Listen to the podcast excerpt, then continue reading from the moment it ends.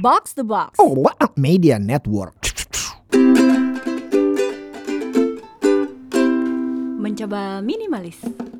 Mencoba minimalis mengurangi yang nggak perlu lebih dari sekedar beberes. Di episode kali ini, gue kayaknya akan banyak melipir karena ini adalah episode nostalgia. Jadi nanti kakak Puri yang akan banyak cocotnya nih. Mohon maaf lahir batin ya. Jadi gue mau buka dengan konteks ada Puri ada Avo di sini.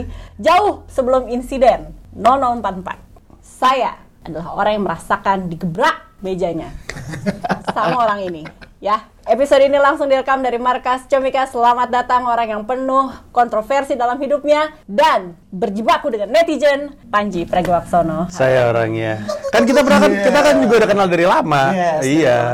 Dulu Betul. ya. Itu Iya. era-era awal gua ngembangin ngembangin karir. Yes. Presenting gua. Dari gedung Sarinah lantai 9 ya. Betul sekali ya ampun. lantai 8, lantai 9. Betul, habis kelar siaran dibawa ke atas, betul sekali. Iya, iya. Jadi kita masih satu pernostalgiaan. Satu geng bersama lift barang yang Betul. Tapi lu nggak gua gebrak mejanya. Iya.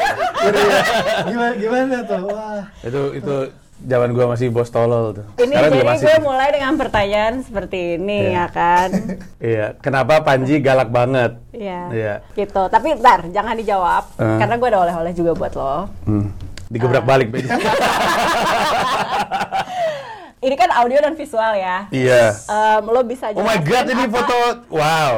Apa yang lo lihat saat ini dan apa yang Iya. lo inget dari masa itu? Oke, ini adalah ya gue dapat eh, kayak figura isinya sejumlah foto dari zaman-zaman gue siaran di Hard Rock FM Bandung. Ini epic banget nih yang ini nih. Sebut dong namanya. Eh, kita tag dia, kita tag. Iya, jadi ini ada eh, ada kayak kolase foto-foto penyiar dari Hard Rock FM Bandung. Zamannya masih 87,6 lagi. Sekarang soalnya 87,7. Oh iya benar, udah naik satu. tahun, Iya. setahun, setahun pertama pas tahun setengah pertama gitu Iya. 87,6 Yap, yap, yap, atau dua tahun pertama. Jadi ini ada ada OB segala macam, ada Aldi. Pak Yudin ada nggak sih Pak Aldi, Yudin? Pak Yudin nggak tahu nih. Lu mana lu? Ini ada nih lu. Oh iya, cepet dia, cepet, cepet, cepat, cepet, cepet, cepat. cepet, Iya, cepet. wah ini ini tim gila sih, ini tim gila. Dan eh, ada ada foto ruang siaran Radio FM Bandung masih di Jalan Diponegoro karena ini sekarang udah pindah kan. Diponegoro. Mm-mm. Terus ada anak-anak urban. Ada kayaknya nih foto kami melakukan kayak acara di luar. Close to you. Oh, ini di ini di ITB ini. Ini di ITB nih. Ini ya, lapangan tempat basket. ITB nih gua gue inget sekali. Kita soalnya beda-beda post waktu itu. Betul sekali. Ada ini ada namanya Mas Nuki ini.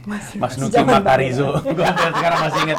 Jadi dia bos eh, dia station atau head, head Station manager ya. station manager ya, ya. Eh, yang baru dipasang di uh, Hard Rock FM Bandung dan dia tadinya kalau nggak salah megang brand di Makarizo. Makarizo itu produk eh, rambut. rambut. Terus gue kasihan sama dia karena gue gue bengal banget. Gue dari dulu, Puri mungkin bisa tahu. Gue dari dulu tuh punya semangat ngelawan otoritas gitu. Bos gue salah mulu di mata gue. Kebetulan gue juga pinter ngomong, jadi debatnya unggul di gue karena pinter ngomong bukan karena benar, karena pinter ngomongnya aja. Nggak berakhir di kena SP atau apa gitu ya? Enggak, enggak, enggak. Jadi gue cuma percaya dia tuh salah, gue bener. Tapi gue nggak ada kepikiran kayak ah dipecat nih gue atau kena SP nih gue nggak ada kepikiran kayak gitu. Tapi respon terakhir yang lo dapat dari semua bos-bos kita waktu itu apa? Seingat gue, Mas Nuki itu bos terakhir sebelum gue pindah ke Jakarta. Dan Mas Nuki itu sebenarnya punya satu kontribusi. Kan waktu itu gue jabatnya masih acting program director. That I remember. Iya. acting. jadi, jadi bukan program director, acting program director. Acting doang. Karena gue masih terlalu muda untuk beneran jadi program director, kami semua disuruh psikotes waktu itu. Mas Nuki nyuruh gue psikotes. Dan psikotesnya akan ngasih result apakah gue cocok atau enggak jadi program director. Terus gue ikut psikotes, gue jawab semuanya. Seminggu kemudian resultnya masuk, gue tanya sama Mas Nuki. Mas Nuki, kok gue nggak dikasih tahu hasilnya? Hasilnya gue fit nggak untuk jadi program director? Aman, aman, aman. Fit kok, fit kok gitu. Oh, ya udah kok gitu. Belakangan gue tahu ternyata hasilnya tuh tidak merekomendasikan gue untuk jadi program Lo director. tau dari mana? Diem-diem. Dikasih tahu sama anak-anak yang lain, dikasih siapa, siapa namanya? Dini. Dini, Dini, tahu Dini. Iya. Dikasih tahu Dini gitu bahwa sebenarnya hasil psikotesnya itu menyatakan gue tidak direkomendasikan untuk jadi program director. Oh, Tapi HR dikasih tahu alasannya enggak? Eh, Iya karena skornya jelek aja, skornya tidak mumpuni gitu. Kan gitu kan, eh, kan kayak kalau misalnya psikotes kan ada kayak skor, terus ada kayak tulisan rekomendasi Iya. gitu. Orang ini gini gini gini gitu. Terus Ternyata unfit gitu. ternyata unfit dan gue nggak tahu gue harus berterima kasih karena Mas Nuki tetap ngasih jabatan ini atau gue nggak tahu harus bereaksi coba gue nggak dijadiin program director mungkin Puri nggak kena gebrak sama gue I don't know Trajektorinya bisa beda. ya itu Iya, itu iya, iya, iya. itu tahun 2000 gue jadi PD itu 2004 2005 kalau gue nggak salah dan itu bos baru kan kadang-kadang suka nggak tahu caranya untuk ngatur kalau nggak dengan marah-marah. ya itu yang terjadi. Kalau sekarang gue marah-marahnya ngelus-ngelus pala pur, jadi kayak, aduh goblok banget sih lu gitu. Oh, tapi kalau diri sendiri ya, bukan Kalau di sini, ya. kalau di sini, kalau gue, ya gue pegang pala gue. Kalau dulu kan gebrak meja kan, kalau sekarang gue megang pala, lu tuh goblok banget sih, kenapa sih gitu? beda, beda, beda bentuk. Karena sekarang saya banyak makan pakcoy dan sayur mayur. Tadi udah dapat bocoran dari PA-nya lu kan, Hmm. si Bonar gitu. Gue suka dimarahin sama Panji gitu. Lu juga nggak gitu? Gue dong, katanya gitu. ハハハハ。Tapi udah berubah sekarang, katanya gitu. iya. Menurut lo plant based itu berpengaruh? Satu, terus kan gue ke psikolog rutin, jadi gue dikasih tahu kenapa gue kenapa gue kayak gini. Karena waktu itu sampai ke ke tahap di mana suka self inflicting pain kalau gue marah gitu. Terus gue bingung aja gitu, karena ya gue nggak merasa diri gue tuh orang yang depresif dan menyerah dan pengen bunuh diri. Tapi gue kadang-kadang kalau lagi suasana tertentu tuh, aduh pengen mati banget rasanya gitu. Nah tapi karena gue ketemu psikolog, terus akhirnya gue tahu apa yang salah sama gue, terus eh, ada itu, terus ada dia ngasih tahu gue untuk mengurangi trigger-trigger gue untuk marah, terus ada plant based, terus eh, tidur yang lebih baik, dan akhirnya jadi jauh lebih mending dan mungkin tua ya, makin makin tua. Prosesnya sendiri berapa lama tuh Ji? Dari awal lo ngerasa Bro, gue "Oke, 2005, eh 2004 ngegerbak, nge- 2004, 2005, 2004 kayaknya. Ya sekitar itu kan 2003 gue bergabung, ya mungkin lu di promote 2004-an lah Iya. gitu. Tapi Jadi lu tuh kan juga, lu tuh penyiar doang atau lu reporter juga sih saat itu?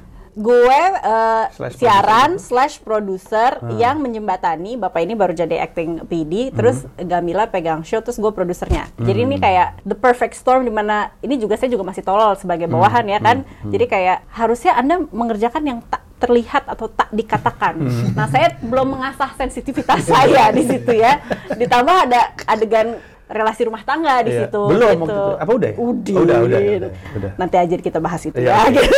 Tapi dari 2004 sampai dengan sekarang aja gitu. Gue baru kayak gini.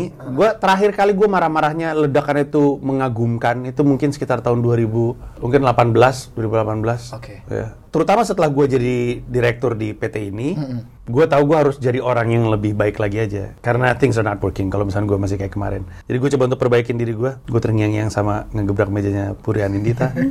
Kebetulan di sini juga ada orang yang udah ngikutin gue dari awal, dari zaman belum PT dan cuma manajemen. Jadi mereka semua bisa cerita, termasuk bisnis manajer gue. Dia tahu dari gue dari zaman dulu, jadi semua orang gitu kan, itu masih mending. Kemarin gue marah banget, kemarin gue marah tuh diem, terus gue bilang, aduh gue marah banget nih. Di depan semua orang. Ah. Terus gue turun duduk di tangga. Eh, yang mana dulu nggak Oh, kayak gitu.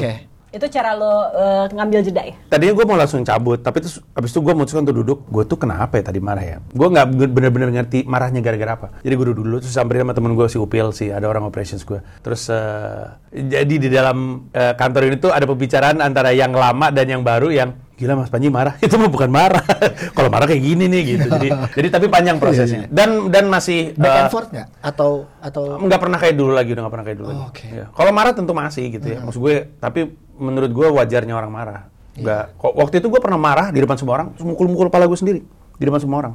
Nggak kayak gitu lagi. Tapi boleh bawa kita ke gimana lo berkenalan dengan psikolog dan Iya. rasa perlu. Kemudian eh, gue nggak tahu nih wajarnya gimana cerita tentang ini gitu. Kayak kalau ada trigger triggernya itu dihadapi dengan gimana dan sebagainya.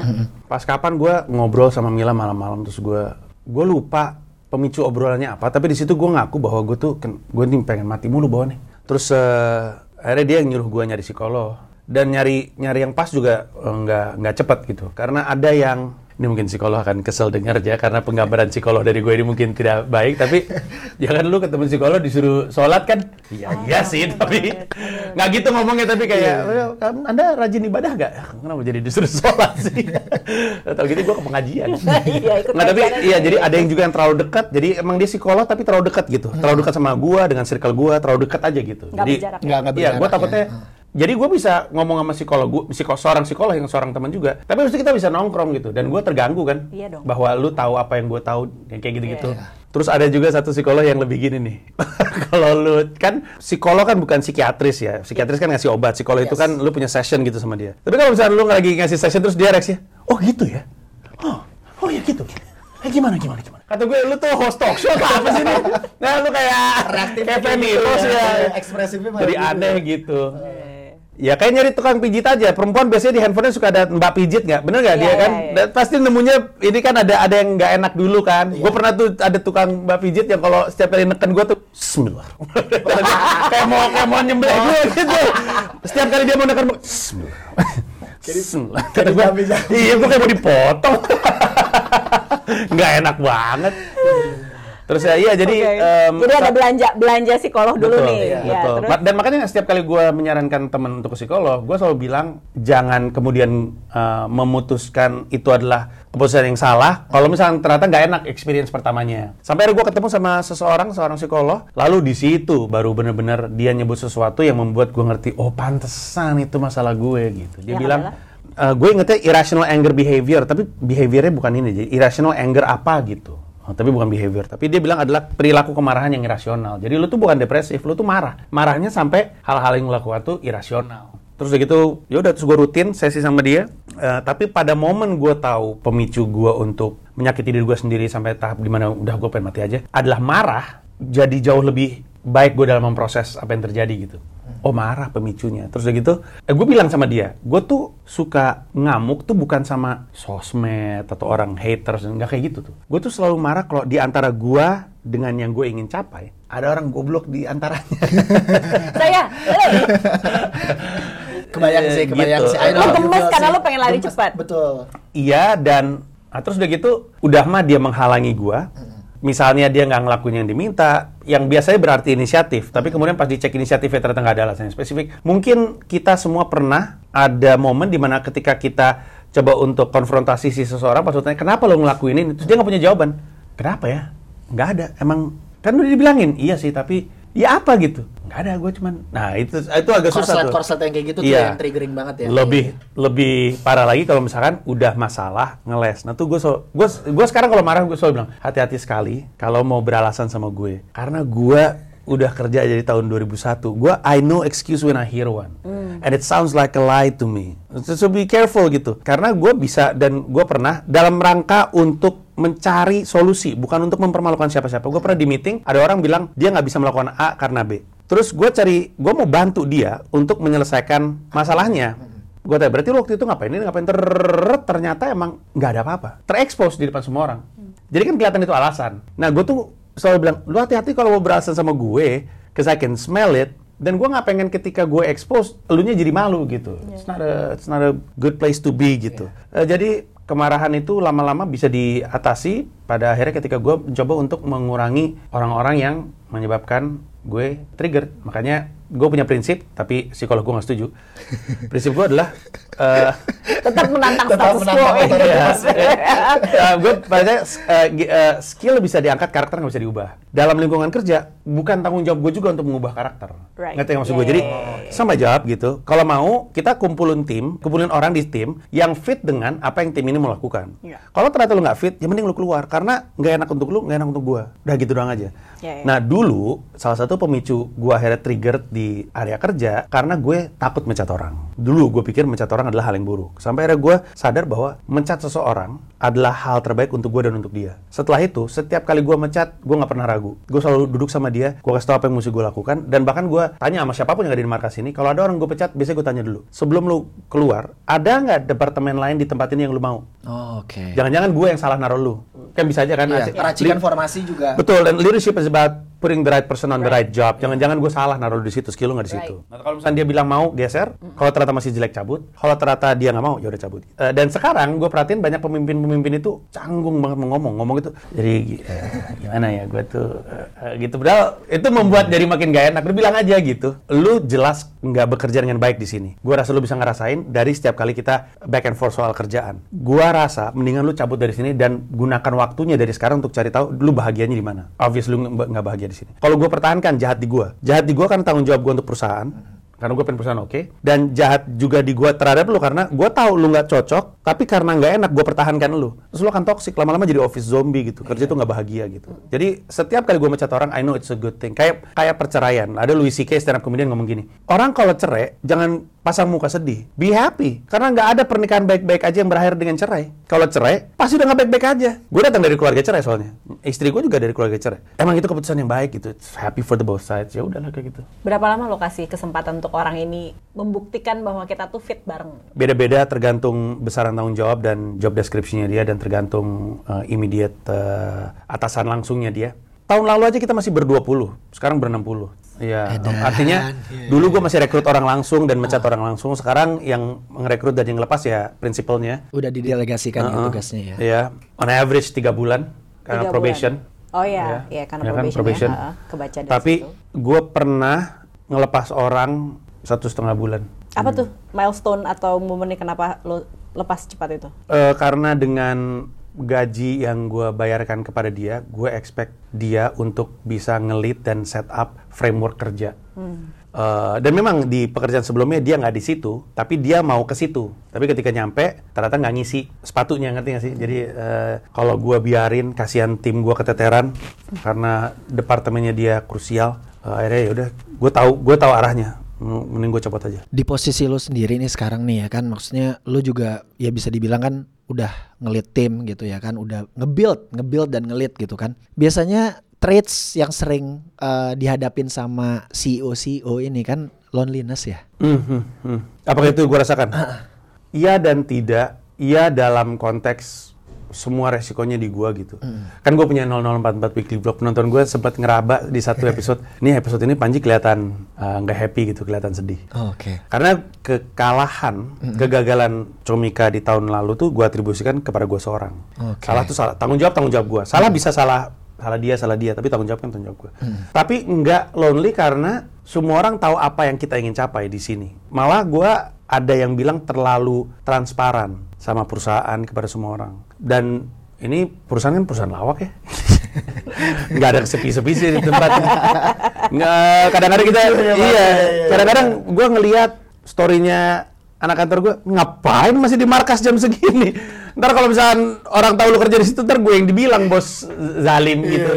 Tapi karena it's never lonely here, selalu ada orang dan semua orang tahu apa yang semua orang lagi lakukan. Tapi dalam konteks bahwa ini semua salah gue tuh, it kind of feels lonely. It's it feels more lonely, honestly, uh, being a comic in my level sebenarnya.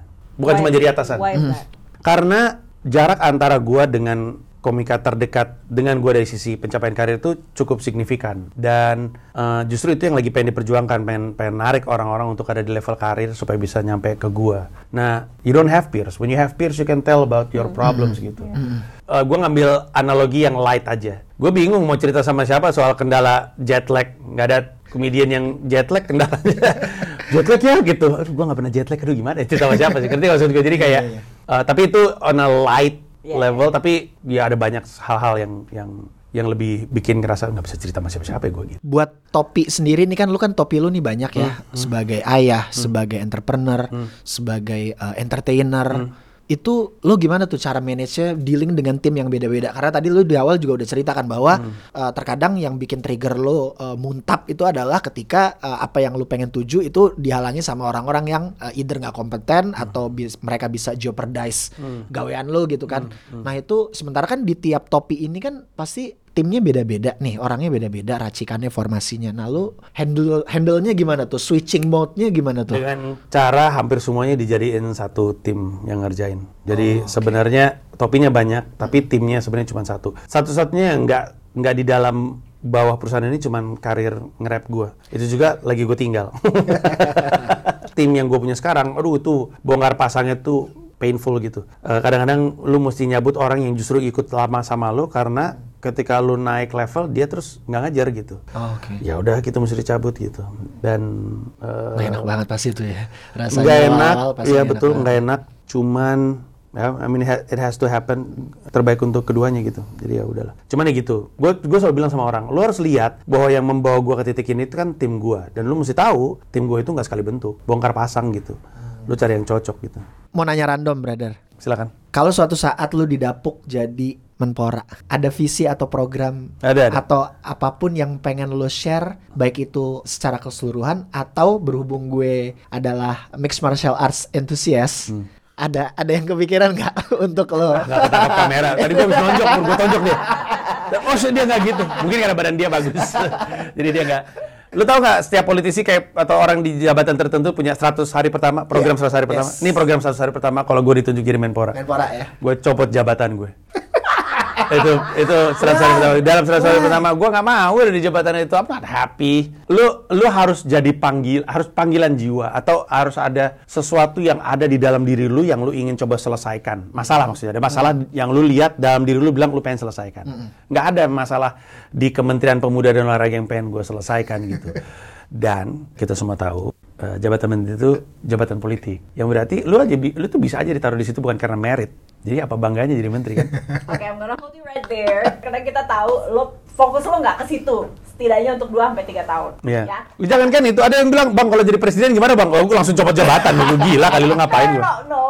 Tapi gue inget, gue inget banget ada sebuah masa lo tuh kan ngefans banget sama Will Smith ya. Will Smith akhirnya ke politik segala macam dan gue tahu lo you have that fire in your belly gitu. Iya, kan. iya. Pengen pengen melakukan suatu perubahan dan memang itu panggilan jiwa gitu. Jadi ya udahlah nggak usah ngomongin lo jadi jubir kemarin gitu. Tapi Mhm. ketika lo terjun ke politik dan lo membuat suatu perubahan itu kan bisa dan sebenarnya eh, peran lo tuh bisa macem-macem ya. Tadi lo bilang ya udah presiden presiden tapi lo nggak mau. Ya udah katakan lo jadi staf ahli, staf sus, apalah gitu sebutannya. Lo bener-bener nggak mau mengambil kesempatan itu jika itu ada.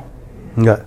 Karena memang betul. Gue ingin sekali ngeliat Indonesia jauh lebih baik. Dengan dasar yang sangat-sangat eh, egois. Gue cuman pengen negara ini bisa jadi landasan pacu yang tepat untuk anak gue terbang. Kita semua tentu pengen kolamnya udah oke nih. Karena gue baru aja ngomongin kemarin gue bisa bikin salah satu episode siniar hidup Indonesia Maya ngomongin soal timnas yang AFF kemarin. Kan Yes. anak-anak muda. Kita semua tuh udah sering ketemu anak-anak muda jago-jago, anak muda Indonesia. Iya. Yang jadi pertanyaan kan setelah mereka ke usia profesional deh, itu nggak jelas semua. Angelique Wijaya kan juara Wimbledon Junior. Right. Juara Wimbledon Junior yang dia kalahkan di final Wimbledon tersebut, akhirnya jadi Wimbledon, juara Wimbledon Senior. Banyak tuh kita dengar orang-orang kayak juara Olimpiade Fisika, juara lomba paduan suara dunia dan segala macamnya gitu. Banyak kita dengar. Cuman kan kita nggak pernah tahu ketika mereka dewasa apakah mereka ada di landasan pacu yang tepat untuk terbang. Karena jawabannya sekarang enggak. Nah tentu, gue pengen Indonesia jadi lebih baik. Dan benar, gue pernah berpikir politik mungkin adalah jalannya. Tapi kemudian lu mulai strategik dan berpikir sebenarnya kekuatan terbesar lu apa ya? Dan dengan memahami kekuatan terbesar lu di mana, di mana kontribusi teroptimal yang lu bisa lakukan untuk melakukan perubahan. Lalu gue berdamai dengan diri gue sendiri. Ternyata bukan di politik. Karena kalau lu mau terjun ke politik, A, lu harus punya otot politik. Otot politik ini real. Ini real. Lu suka ngomongin bola, bukan berarti lu bisa main bola. Ya kan lu butuh ototnya. Lu suka sama politik dan suka ngomongin politik dan suka mengamati politik, bukan berarti lu bisa jadi politisi karena butuh ototnya. This is a real thing. It's an actual thing. Otot politik. Yang berarti gue nggak ngebangun otot politik gue dari awal. Harusnya gue ada di organisasi-organisasi tersebut. Udah jadi kader ya. Orang ya antara jadi kader atau di eh, organisasi underbownya politik kan juga banyak tuh. Orang yang ada di situ dia lagi ngebangun otot politiknya karena semakin lu dalam sama politik semakin lu tahu bahwa itu emang sebuah olahraga yang butuh otot tertentu dan skill tertentu. Kayak eh, kalau kita ngeliat sepak bola, tentu itu permainan skill, Iya. tapi juga permainan decision making. Betul. Yang decision makingnya oke, ya oke kan kita suka ngeliat ini orang jago banget tapi tolol banget sih kenapa kalau tembak tadi kan kayak gitu kan? Nah iya. Umpannya kok salah Ya, sih juga gitu ya. decision making under pressure. Ya kan, yang kayak gitu-gitulah. Nah, politik juga seperti itu. Gua nggak punya otot ini. Yang kedua, kalau lu mau jadi politisi, antara lu punya otot politik, atau lu punya pendidikan yang berkaitan dengan area politik yang ingin lu masukin. Misalnya, misalnya lu kuliahnya hubungan internasional, lu masuk komisi 1, masuk akal. Lu kuliahnya pendidikan, masuk ke komisi 10, masuk akal. Karena studi lu nyambung sama aktivitas politik lu. Masuk akal. Yang ketiga adalah, kalau lu udah terlibat dalam sebuah isu mendalam. Kenapa gue bilang mendalam? Karena kalau lu mendalam sama sebuah isu, misal Sarah, Rahayu Saraswati Joy Hadikusumo, Sarah udah dari lama ada di isu migran, ada di isu keperempuanan jauh se- sebelum dia terjun ke politik. Jadi dia udah tahu masalah yang ada di situ apa, dan dia udah dalamin masalahnya dan udah punya pemikiran harusnya solusi seperti ini. Itu investment yang panjang dan investment yang dalam dan orang seperti itu yang bisa masuk. Yang jadi kendala adalah kebanyakan yang masuk itu nggak punya ini semua, pendidikannya nggak ada. Masa sampai Prof Prof Jimli sampai harus bikin kursus singkat cara bikin undang-undang sama anggota DPR karena anggota DPR nggak ngerti hukum. Kan Gimana sih lu tolol banget. Jadi pendidikannya nggak nyambung, otot politiknya nggak ada. Nih, ini ini kelihatan banget nih. Eh, dan ditambah dengan dia punya wawasan cuma di permukaan. Gue pernah wawancara caleg, gue tanya sama dia, apa masalah yang ingin lu perbaiki? Gue ingin menghapus, pokoknya ada hubungannya sama ras dan agama. Undang-undang ya yang mau dia revisi gitu ya. Ya, dia, dia, dia ngomongin sebuah gagasan besar. Sebenarnya gimana cara lu menyelesaikannya? Habis itu jawabannya nggak ada kosong, song, kosong kosong gitu. Nggak ada action plan ibaratnya. Ya betul, betul.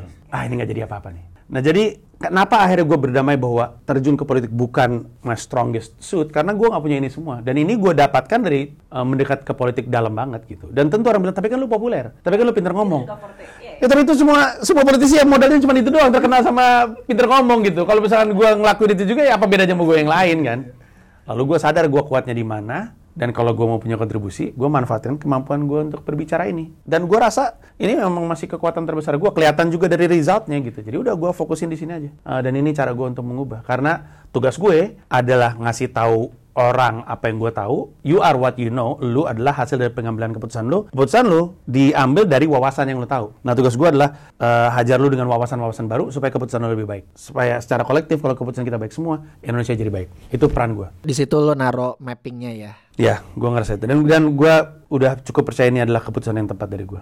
Dari semua kontroversi sampai mungkin ada hal-hal yang sifatnya ekstrim seperti somasi dan apa pun itu ya yang pernah kejadian ya. Ada lessons apa sih yang lo yang lo ambil gitu? Pertama sih yang udah pasti, mm -hmm. lu nggak bisa ngeraba orang akan tersinggung karena apa. Oh, Oke. Okay. Itu tuh justru bukan kalimat untuk membuat lu takut melakukan apa pun. Sebaliknya. Mm -hmm. Justru membuat lu berani udah ngomong aja apa yang lu mau. Karena lu nggak akan tahu gitu gue pernah ada satu materi stand up ini aneh banget. Materi stand up itu FPI itu jangan dibubarin biar lu tahu orang nggak sekolah tuh kayak apa kayak gitu. Terus ada yang tersinggung tapi bukan FPI aktivis pendidikan yang nggak terima orang nggak berpendidikan tuh gue samain dengan FPI karena menurut mereka FPI itu di bawah orang nggak berpendidikan. Sekarang gue kan ngerasa mana nebak gue orang tersinggung bakal kayak gini bentuknya? Kan aneh banget yeah, ya. yeah, yeah. mana ada mana ada yang yang dengerin juga nggak akan nyangka ada yang tersinggung kayak gitu. Gue punya temen ngomongin soal musang pecinta musang tersinggung. Ya gue juga nggak tahu ada komunitas pecinta musang sebelumnya. Kucing nggak dibahas di kucing. Kucing iya. juga, kucing juga. yeah, yeah, yeah. Cuman kan maksud gue kalau lu nggak tahu orang bisa yep, tersinggung yep, karena yep, apa, justru do not limit yourself. Just go. Kalau misalnya emang lu tahu itu datang dari tempat yang baik gitu ya, niatnya bagus, nggak apa-apa juga gitu, nggak apa-apa. Kalaupun orang tersinggung minta maaf, kalau gue nggak ada masalah minta maaf. Yeah, yeah. Okay. Ada juga orang yang nggak mau minta maaf, tapi yeah, yeah maksudnya komedian ya, mm-hmm. karena dia bercanda nggak perlu minta maaf. Tapi kalau gue, gue tuh naik panggung pengen bikin orang ketawa. Jadi kalau lu marah, bukan niat gue, jadi gue minta maaf gitu. Dan pada akhirnya gue untuk semua, untuk hampir semua kasus yang terjadi sama gue, itu diselesaikan dengan ngobrol. Hmm, eh, termasuk gue minta maaf, walaupun gue tahu bukan salah gue. Tapi ketika gue ketemu sama nih orang, yang dicari itu bukan benar salah, yang dicari itu masalahnya selesai. Gue mau pragmatis aja. Ribet hidup gue gue nggak butuh masalah-masalah kayak gini. Lu pengen gue minta maaf, gue minta maaf. It doesn't matter.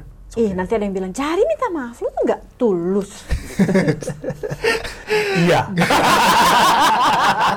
Tapi masalahnya kelar gitu kan. Iya, iya, iya, Wah gila sih ini seru banget obrolannya sih. Tapi kita akan lanjut ngobrol lebih seru lagi karena akan ada pengumuman penting yang bakal di-share sama Panji di episode selanjutnya. Jadi buat temen nih stay tune terus di Mencoba Minimalis bareng Avo sama Puri. Cucu mencoba minimalis.